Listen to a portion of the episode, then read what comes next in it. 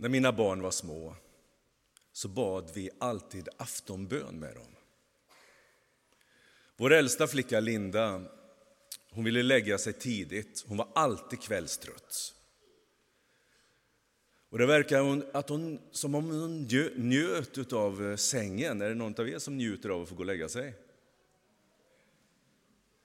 Ja, vi som är lite äldre det frågar ju inte naturligtvis, utan det är barn.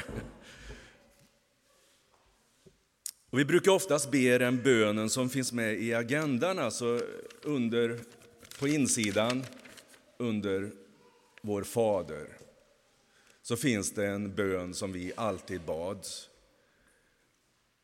Käre Far i himlen, tack att jag finns till. Hjälp mig leva riktigt, göra det du vill. Lär oss här på jorden tycka om varann. Låt oss få en framtid skyddad av din hand. Och varje gång vi kom fram till lär oss här på jorden så brukade Linda gäspa stort. Så det kom så här. Käre far i himlen, tack att jag finns till. Hjälp oss leva riktigt, göra som du vill. Lär oss. Lär oss här på jorden, hörde man henne då. Och sen när vi sa amen så somnade hon. Och jag tänkte, jag är fantastisk att uppfostra barn. Jag är en pedagog ut i fingerspetsarna. Det är bara att göra så här så sover alla barn. En gång berättade jag som nu om det här i kyrkan. Och när vi då ber bönen allihopa tillsammans så hör hela kyrkan en tung gäspning när vi läser Lär oss här på jorden. Jag tänkte inte på att Linda satt med i gudstjänsten, då 20 år. Och hon fick det automatiskt, som en betingad reflex. Men ändå så kände jag då som liten att ja, det, det, det, krävs en viss talang att vara en bra förälder. Och det kände jag ända tills jag fick pojken Jonas. Han och sova fanns inte med i samma avdelning ungefär. När vi trodde att han hade somnat så låg han vaken och lekte i alla fall. Han hade aldrig lätt att somna. Han hade alldeles för mycket spring i benen. Är det några av er som har så också, att det är svårt att somna? Ja, precis. Alltså, det är inte helt lätt. Och så är det för många saker man tänker på.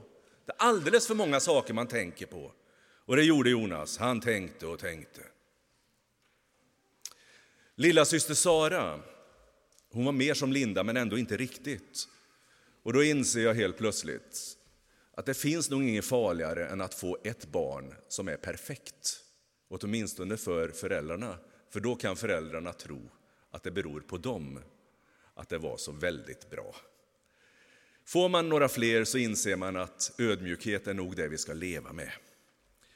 Okej, okay.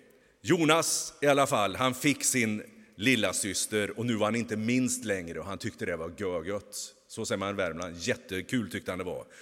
Och när han hade fått vart och titta på lilla syster så ringer han till mormor och så säger Nu är jag både lillebror och stora syster.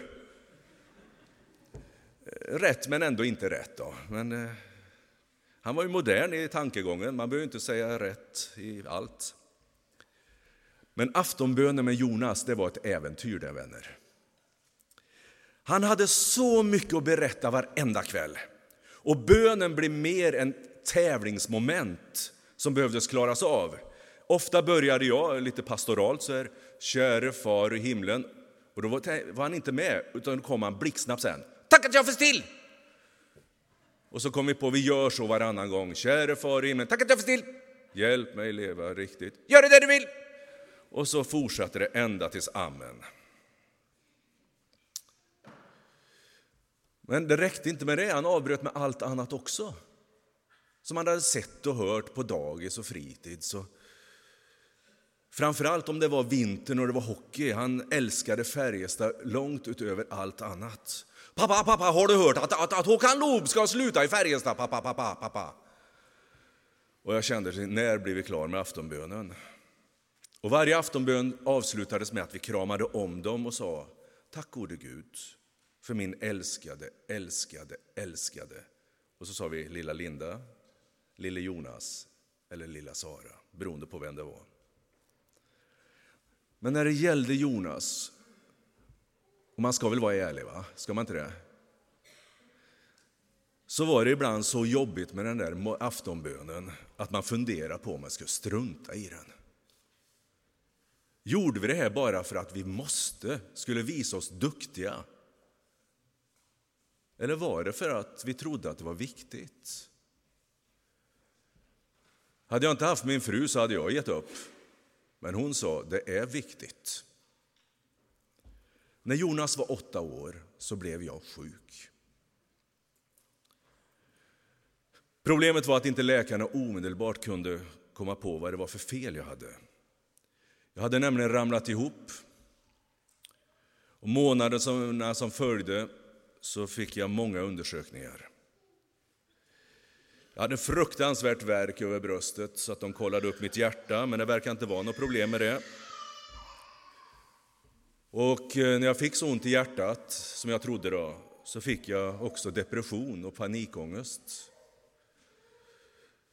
Det var jättejobbigt. Och samtidigt ville inte jag visa för mina barn hur dåligt jag mådde.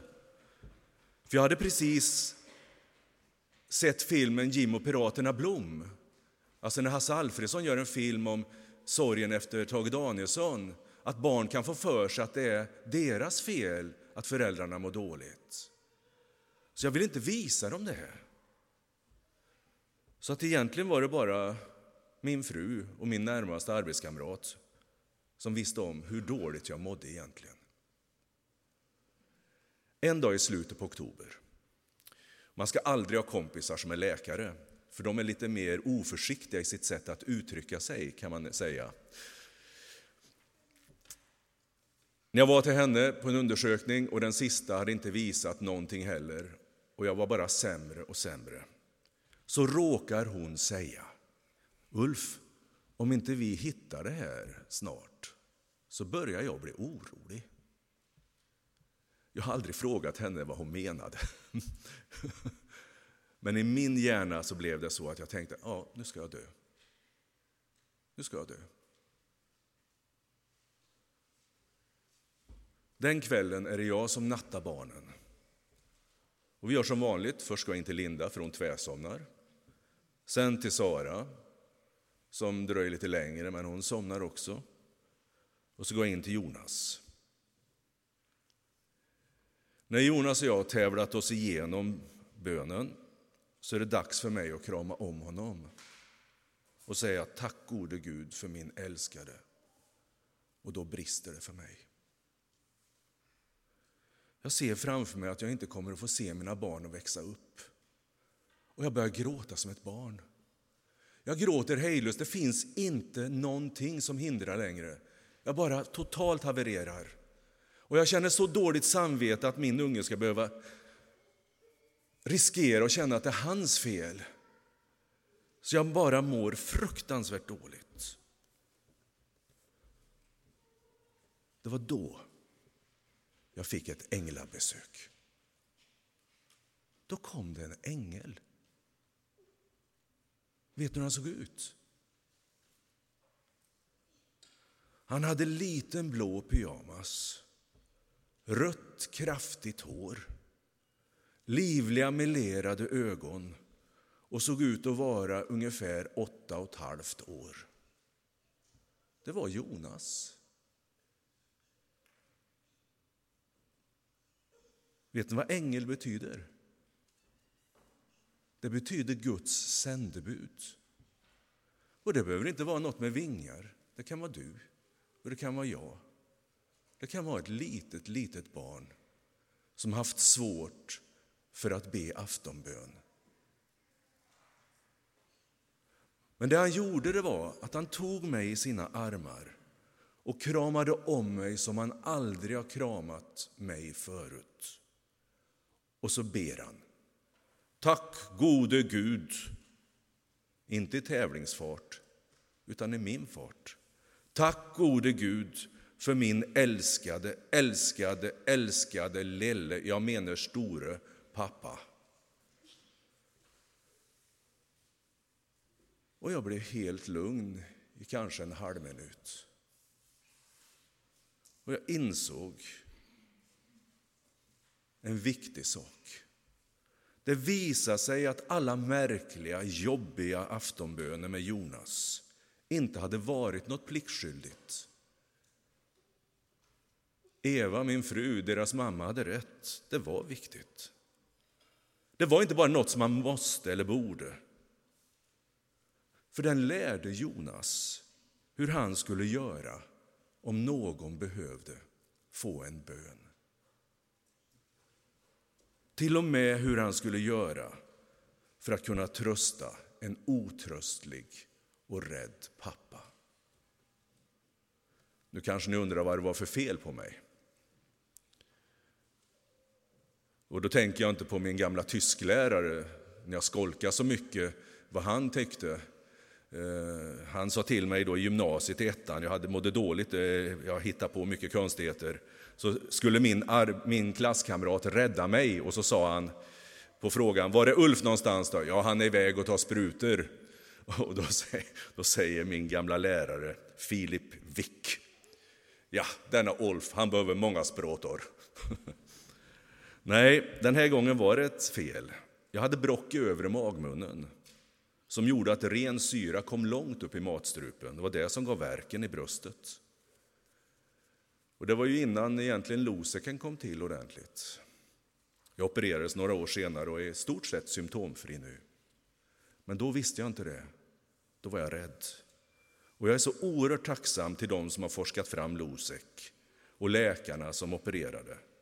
Men framför allt till Gud som använde en liten åttaårings bön för att ge mig hoppet tillbaka. Låt ingen säga att du är för liten. Låt ingen säga att du är för gammal. Låt ingen trycka ner dig. För du och jag är Guds barn och Gud kan använda oss. För utan att vi tragglat igenom alla dessa aftonböner hade Jonas inte haft redskapet han just behövde i den stunden då han blev min skyddsängel. Amen.